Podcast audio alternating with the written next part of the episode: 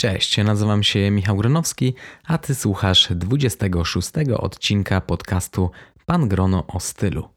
Wybierając garnitur lub marynarkę, zwraca się uwagę przede wszystkim na kolor i rodzaj tkaniny, a także na liczbę guzików i kształt klap. Ale jest więcej niuansów, które pozwalają mówić o różnych stylach krawieckich. Skąd się wywodzą i jak wyglądają? Będę mówił w tym odcinku o brytyjskim, amerykańskim i włoskim stylu krawiectwa. Zapraszam do słuchania. Pan Grono o stylu. Poznaj tajniki swobodnej elegancji i metody rozsądnego budowania garderoby. Zaprasza Michał Gronowski.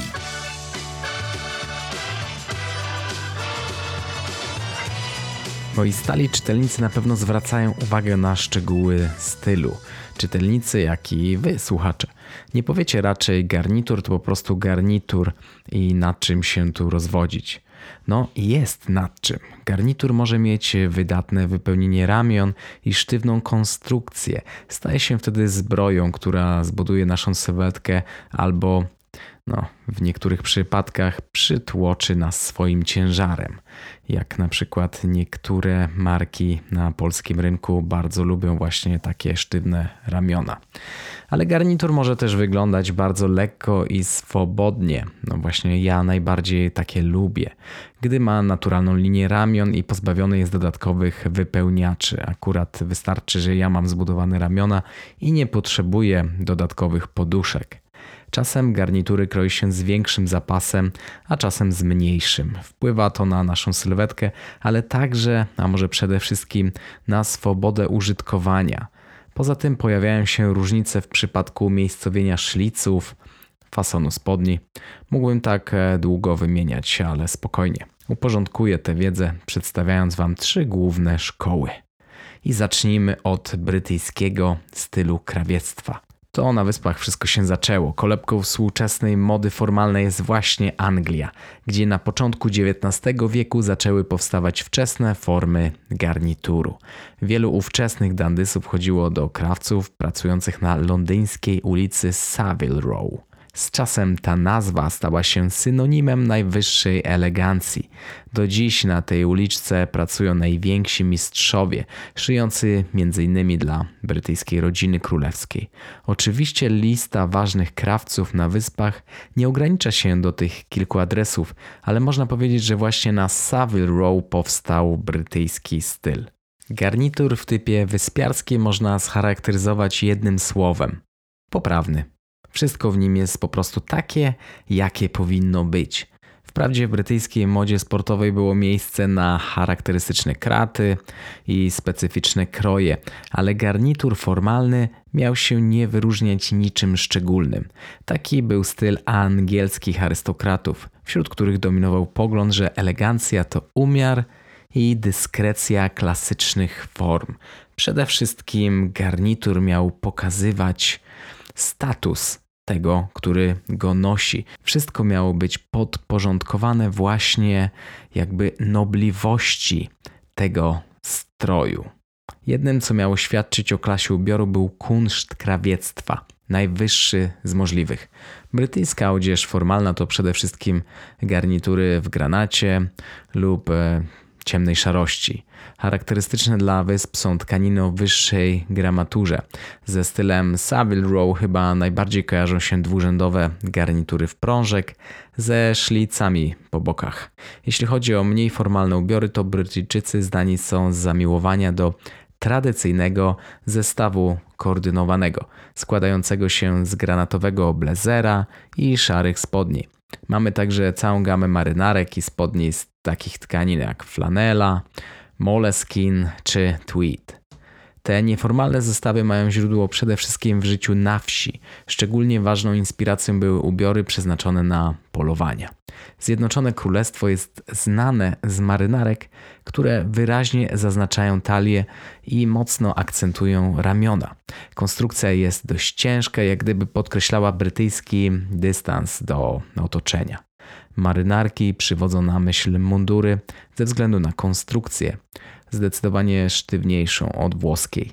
Typową marynarką jest hacket, przeznaczony do jazdy przeznaczony do jazdy konnej.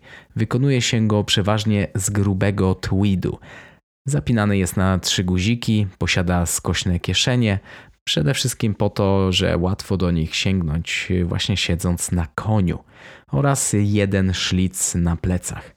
Dlaczego akurat takie rozcięcie marynarki? No jest po prostu najwygodniejsze właśnie podczas jazdy konnej. Krawiectwo brytyjskie stanowi punkt odniesienia dla całego rzemiosła krawieckiego. Co ciekawe, swój e, wkład w tę tradycję wnieśli także polscy krawcy, którzy podczas wojny opuścili nasz kraj, by znaleźć schronienie właśnie w Zjednoczonym Królestwie. A jacy są najbardziej znani krawcy w Wielkiej Brytanii? To przede wszystkim Jeeves and Hawks, Anderson and Shepard, Norton and Sons, Henry Poole i Huntsman.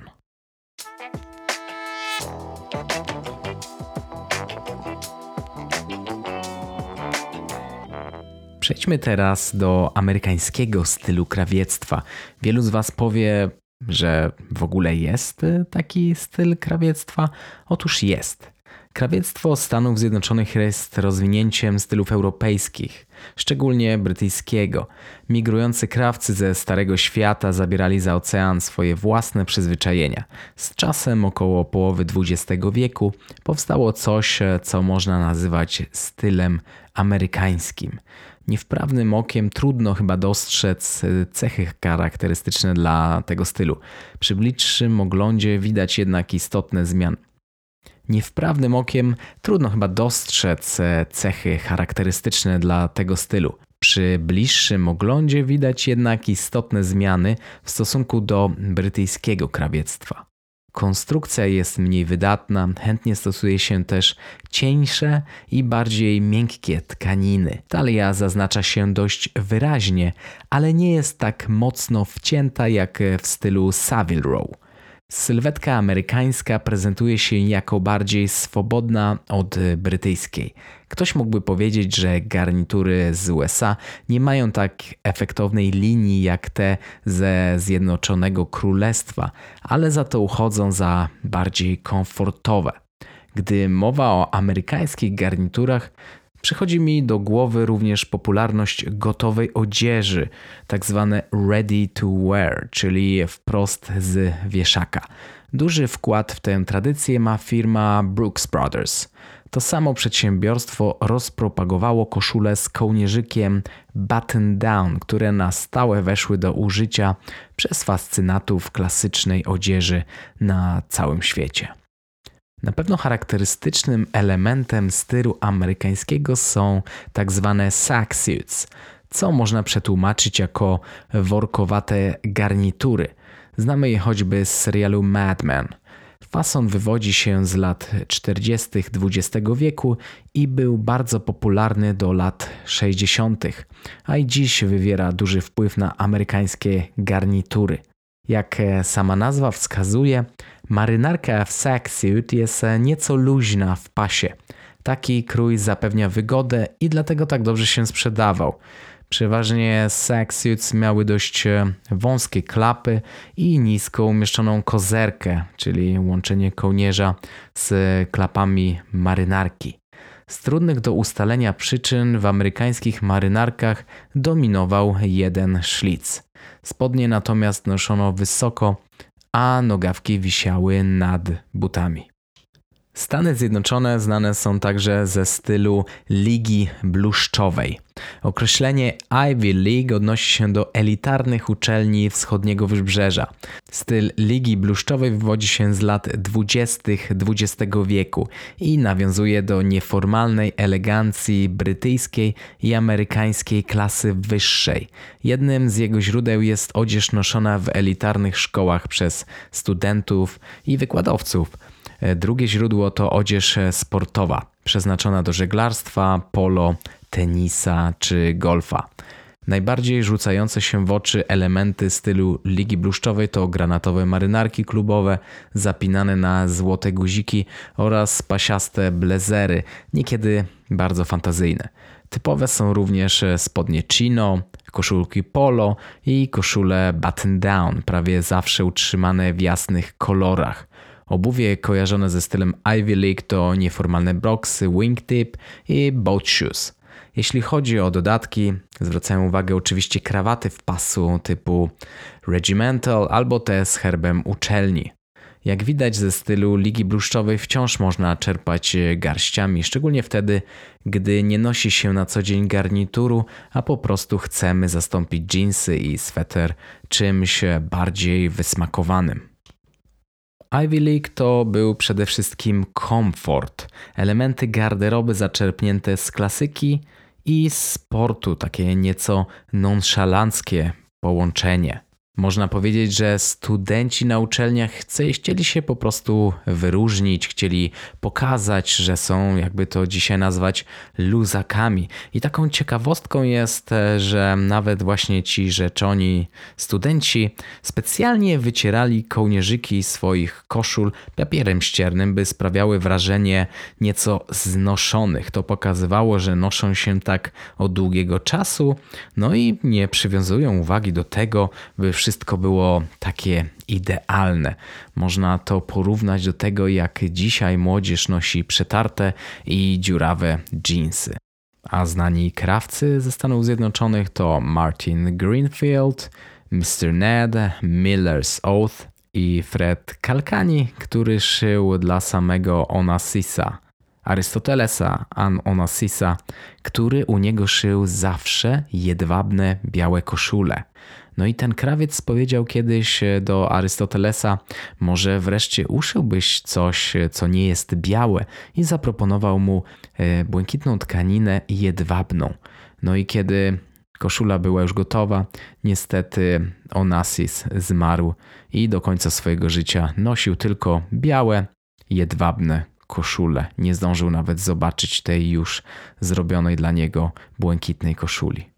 Kolejną ciekawostką jest, że brat zmarłego Johna Fitzgeralda Kennedy'ego po jego śmierci zaniósł garnitury swojego brata do krawca, który wykonywał dla JFK garnitury i powiedział, że chciałby je przerobić, żeby mógł sam je nosić. Oczywiście nie chodziło tutaj o ekonomię, że nie stać ich było na nowe garnitury. Powiedział, że kochał swojego brata, że dalej go kocha i w ten sposób chciałby okazać mu szacunek, nosząc jego garnitury.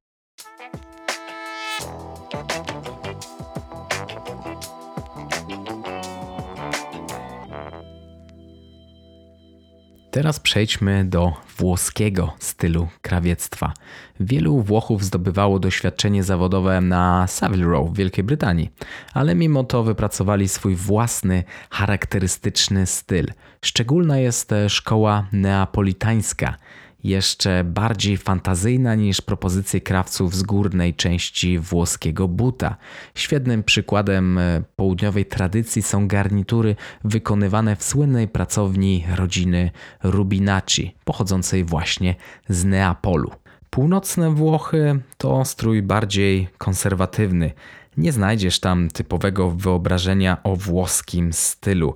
Na przykład, e, kiedy byłem w Mediolanie, widziałem mężczyzn, którzy chodzili w dość nudnych, takich można powiedzieć korporacyjnych garniturach. Przechadzali się w nich bardzo szybko, spieszyli się, a południowe Włochy, właśnie styl neapolitański, to już coś zupełnie innego. Tam czas płynie wolniej, garnitury są bardziej luźne, bardziej komfortowe, no i ich kolory są, można powiedzieć, dużo ciekawsze. Włoski styl jest najbardziej frywolny ze wszystkich i ma to zapewne podłoże we włoskiej naturze i stylu bycia południowców. Marynarki szyte we Włoszech na ogół pozbawione są konstrukcji i zdjęte z wieszaka wyglądają trochę jak dresowe bluzy. Właśnie takie marynarki ja uwielbiam. Brak wypełnienia ramion powoduje, że są wygodne i bardzo naturalnie układają się na ciele. O charakterze południowych garniturów zazwyczaj stanowią szerokie klapy. W Italii szczególnie lubiane są ostre wyłogi frakowe, które dużo rzadziej zdobią jednorzędówki amerykańskie czy brytyjskie a styl włoski neapolitański krawiectwa można opisać jednym zdaniem. Z zewnątrz wydają się dopasowane, a wewnątrz mają dużo miejsca i zapewniają odpowiedni komfort. Nie mogę nie wspomnieć o typowo włoskich detalach, jak rękawy marynarki wszyte podobnie do koszuli, z charakterystycznym marszczeniem na kuli ramienia. Ten sposób wszycia nazywa się spalla camicia. Inną metodą wszycia rękawa jest conrolino, czyli z rolem. Kula rękawa tworzy wtedy niewielkie uniesienie, co czyni sylwetkę bardziej dynamiczną. Inną charakterystyczną cechą jest kieszeń piersiowa, brustasza, w kształcie łódki, którą nazywają barketta, a po włosku barketta to właśnie łódeczka. Wśród Włochów popularne są spodnie z zakładkami. We współczesnym stylu włoskim nogawki często zwężają się u dołu. Zazwyczaj są też wyraźnie krótsze od tych noszonych w Brytanii, co z pewnością ma związek z klimatem. Gdy jest ciepło, możemy sobie pozwolić na odsłonięcie kostki, ale przy deszczowej pogodzie chcemy tego uniknąć za wszelką cenę. Włoskie garnitury i marynarki przeznaczone do noszenia solo muszą być gotowe na wyższe temperatury, dlatego wykonywane są bez podszewki lub ewentualnie z półpodszewką. Klimat się zmienia, również Polskę nawiedzają regularnie afrykańskie upały, więc także u nas warto korzystać z włoskich doświadczeń. Żaden inny styl krawiectwa nie wygląda też tak dobrze jak włoski, gdy łamiemy niektóre zasady klasycznej elegancji i oddajemy się sprezzaturze. A to słowo oznacza nonszalancję w ubiorze, a pierwszy raz tego słowa użył dziennikarz stylu Bruce Boyer.